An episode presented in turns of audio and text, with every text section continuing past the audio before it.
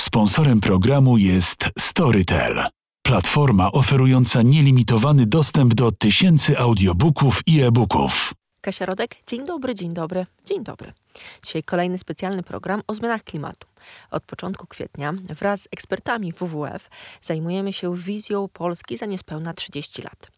2050 Polska dla pokoleń Wybierzmy przyszłość to raport WWF o tym, jak może wyglądać życie w naszym kraju. Na podstawie raportu powstało słuchowisko Storytel Chłopi 2050, czyli agronauci w czasach katastrofy klimatycznej. Głosami m.in. Mariana Dziędziela czy głównego bohatera Antka, granego przez Marcina Drocińskiego, pisarz Cezary Zbierzchowski zarysował pesymistyczną wizję Polski w roku 2050. Lipiec. Po fali czerwcowych upałów przyszły monsunowe deszcze, które przypominały Antkowi gorące wakacje w Mombasie. Woda lała się z chmur niczym z pękniętej rury, jakby ktoś odkręcał kran na cały regulator i po chwili wracał, żeby go zakręcić. Antek siedział samotnie na ganku i próbował dojrzeć niewidzialną rękę, która godzinami bawiła się kurkiem. Obracała go niespodziewanie to w jedną stronę, to w drugą nieustannie, aż do samego wieczora. O dwudziestej zrobiło się chłodniej, ale wilgoć zatykała płuca. Antek z wrodzonego skąpstwa albo z wyuczonego rozsądku nie wylał betonem podjazdu i nie wyłożył go kostką brukową.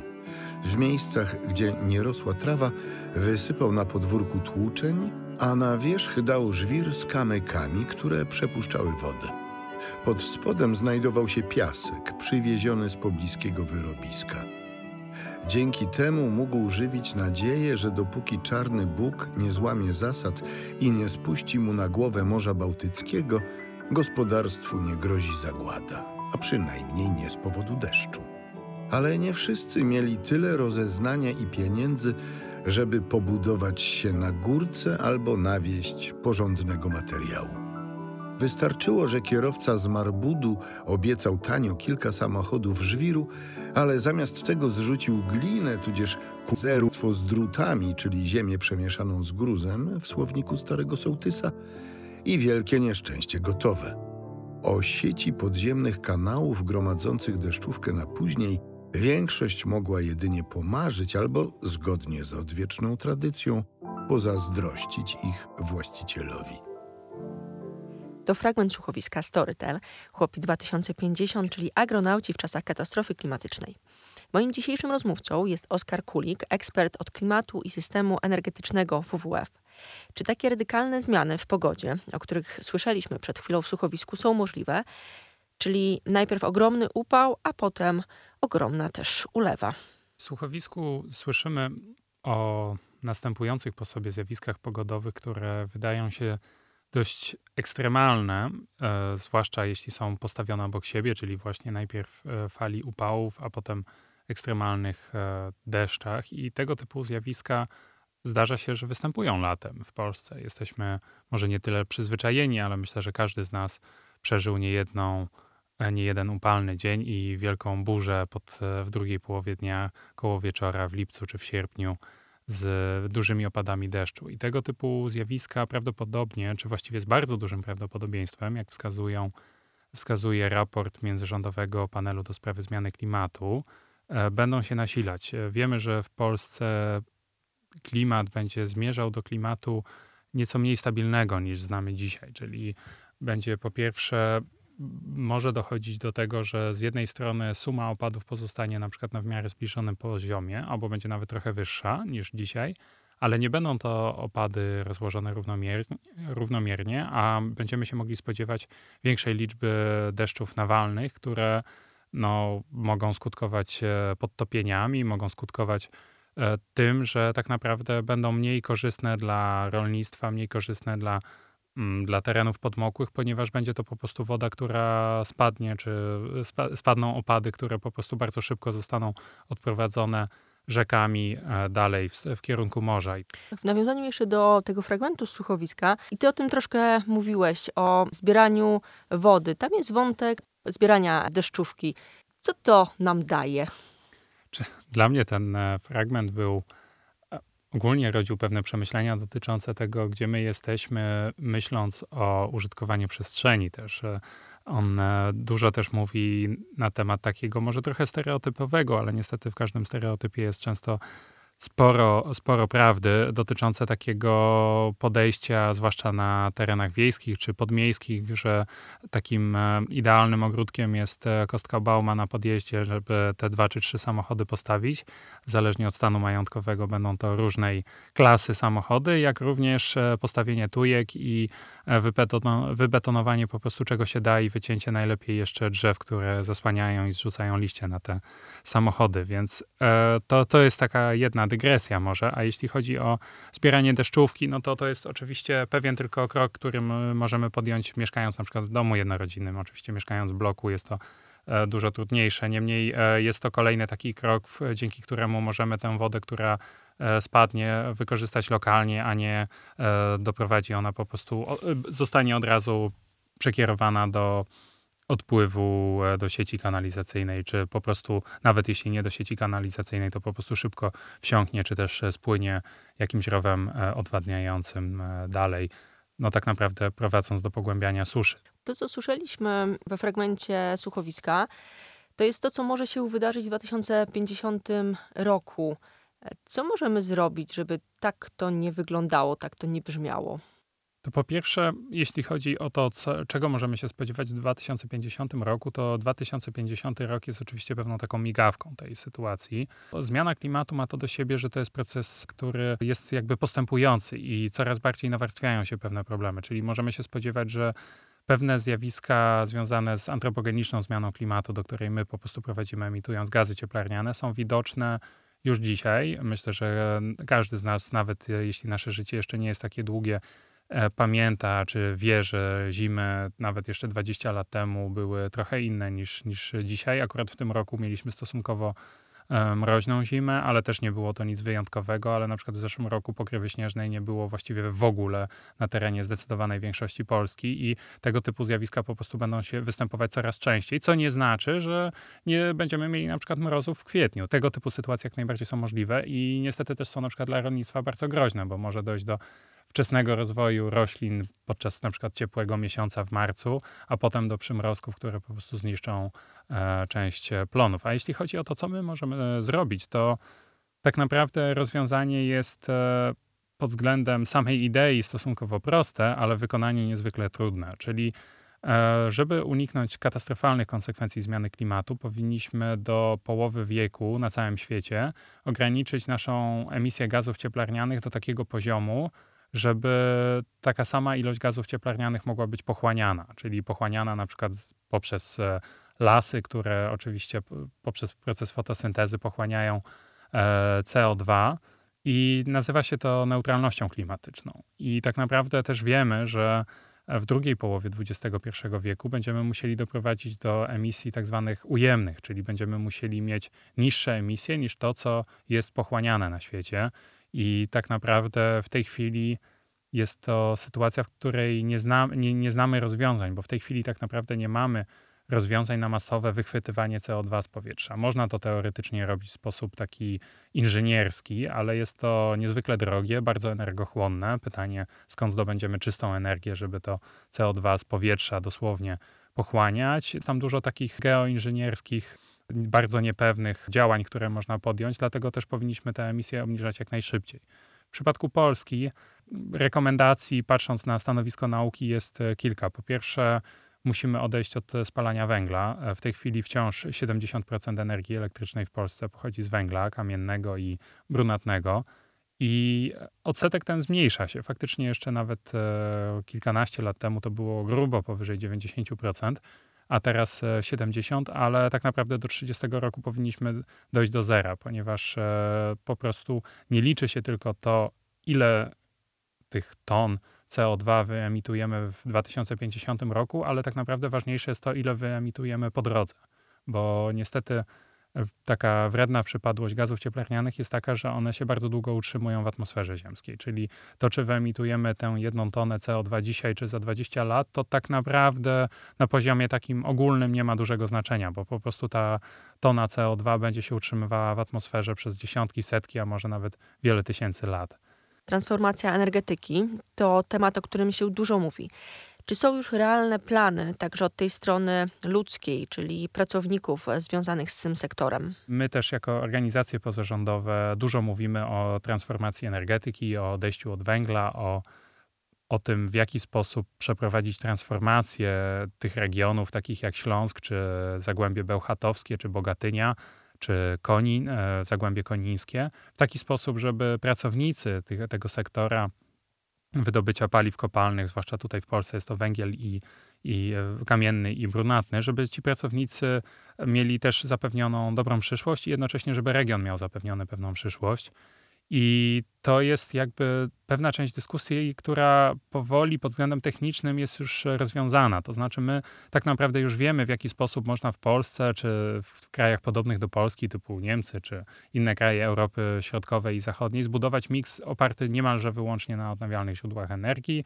To jest bardziej pytanie, w jaki sposób możemy przez te najbardziej na przykład szare, bezwieczne e, dni w listopadzie czy w grudniu zapewnić to tą, tę energię elektryczną w sposób czysty, gdy nie wieje, nie świeci słońce i tak naprawdę nie wiadomo skąd taką odnawialną energię pozyskać.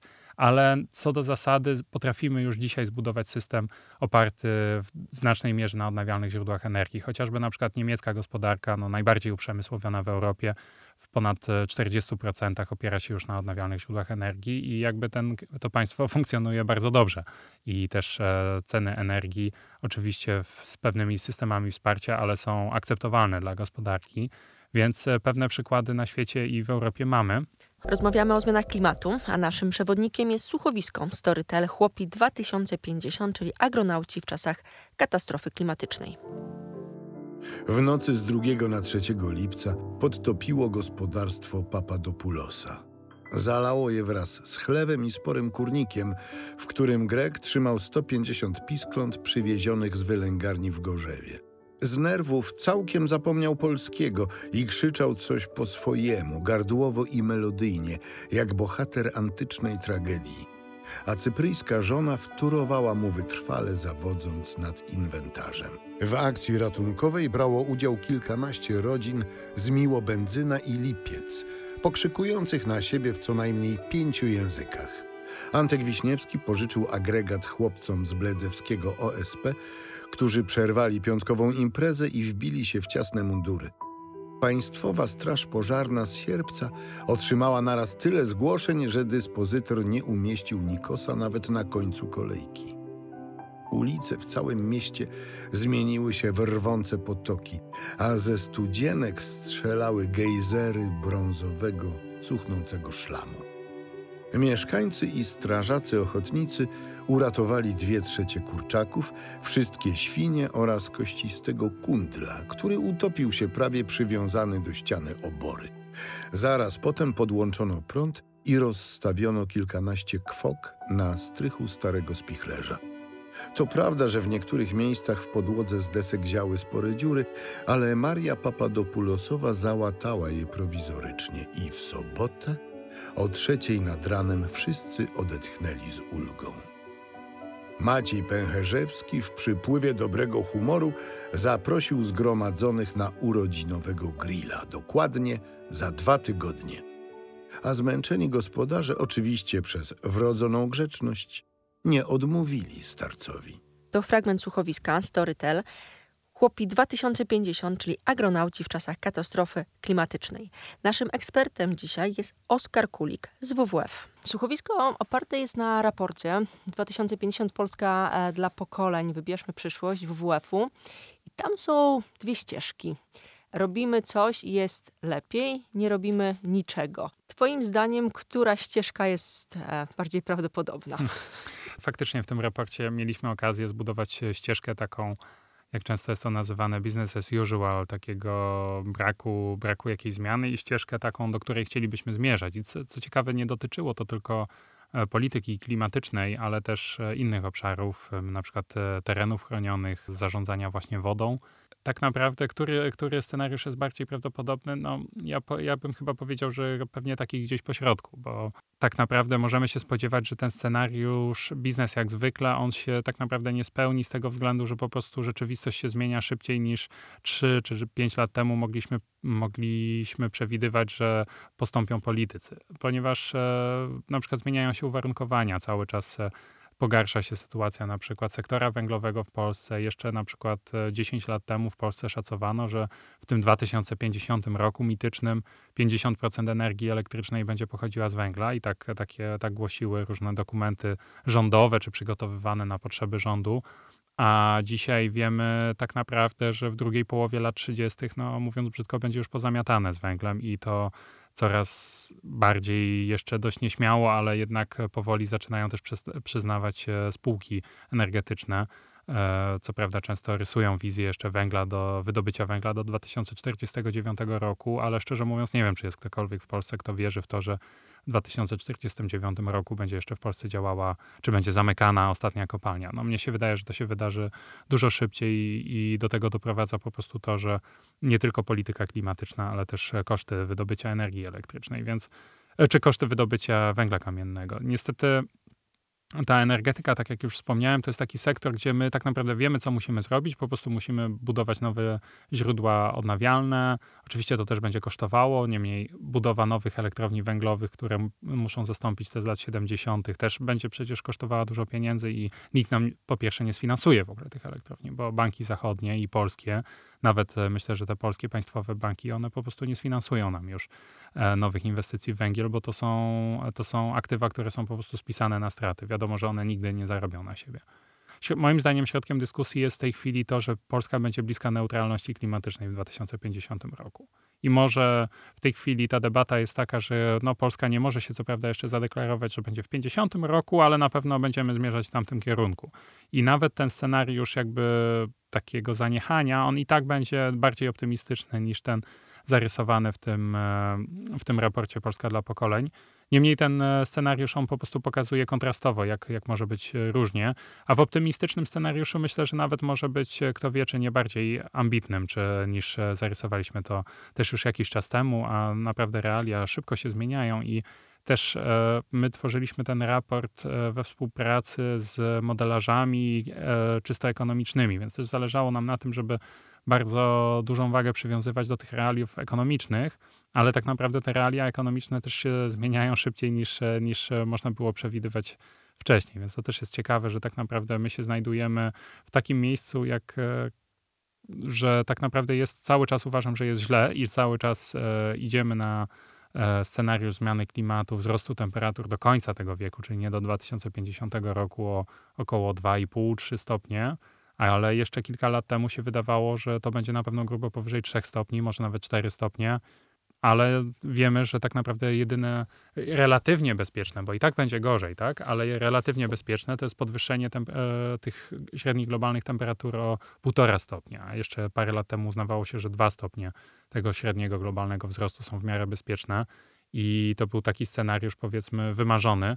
Niemniej e, zbliżamy się do tego pozytywnego scenariusza, niemniej wciąż jesteśmy bardzo daleko od niego, więc, więc tak można w dużym skrócie powiedzieć, że jest lepiej, ale wciąż jest bardzo źle i wciąż jest przed nami bardzo, bardzo dużo pracy. Nie tylko w Polsce, ale i na świecie. Mówił Oskar Kulik z WWF, nasz dzisiejszy ekspert. Kolejny program specjalny o klimacie już za tydzień, także w piątek o 16. Na naszej stronie Radio Campus FM znajdziecie podcasty oraz artykuły o zmianach klimatu. Polecam także słuchowisko, na bazie którego rozmawiamy. Chłopi 2050, czyli agronauci w czasach katastrofy klimatycznej. Kasia Rodek, do usłyszenia. Sponsorem programu jest Storytel. Platforma oferująca nielimitowany dostęp do tysięcy audiobooków i e-booków.